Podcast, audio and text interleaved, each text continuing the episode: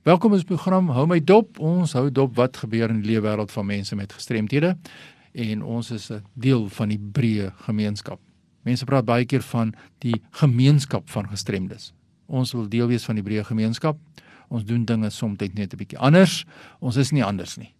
Maar daar is sekere dinge wat gebeur binne die lewe wêreld van ons mense in die gemeenskap en een van hulle is 'n spinale koord besering. Nou wat is 'n spinale koordbesering? Ons gaan nou hoor wat sê Erika de Tooy van die Wes-Kaapse Vereniging van persone met gestremthede. Erika, welkom by ons program. Thank you, Fanny. Thanks so much for this opportunity.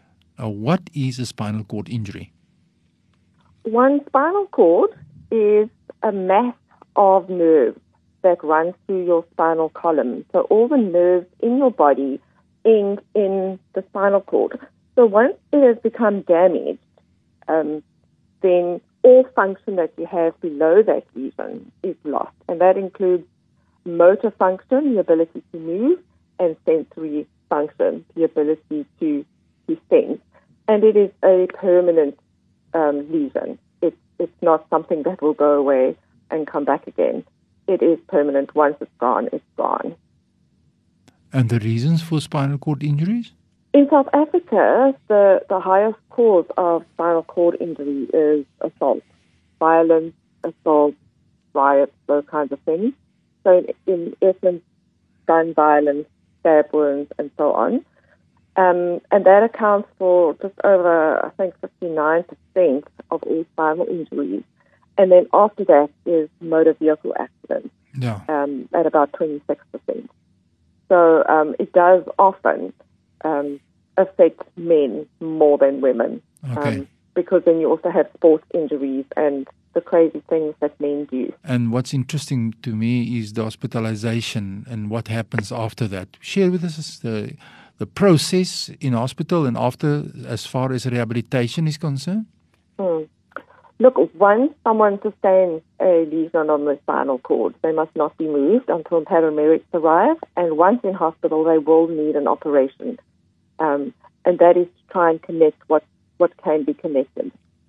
So even though it's connected, it won't be able to function again. And um, there will always be a very long period in hospital um, for healing, but also for rehabilitation, occupational therapy, physiotherapy. And that can range from three months to, I've heard of people being in hospital for nine months. It depends on the level of the lesion and the seriousness of the situation.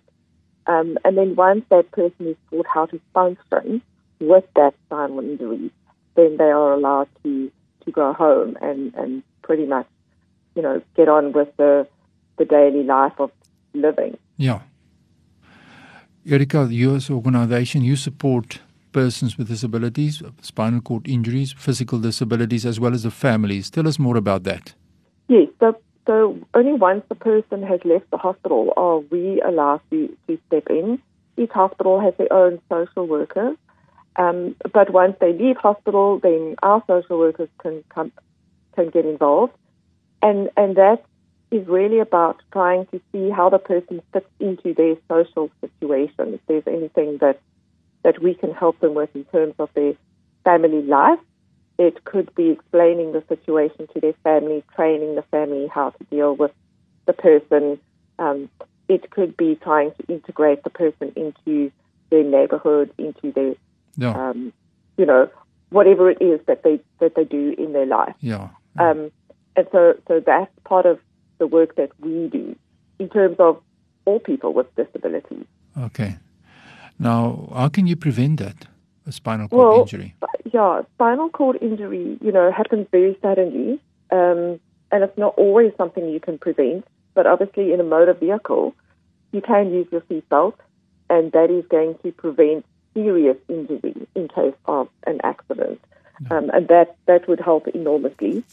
Obviously, in terms of assault, you know, um, you're not going to know if someone attacks you. You know, you can prepare yourself, and you can try and um, be careful in terms of security. So Yeah. there is a measure of prevention, Yeah. um, but not always. You know, you can you can not go and get involved in violent protests, for example. You don't Yeah. know what's going to happen there.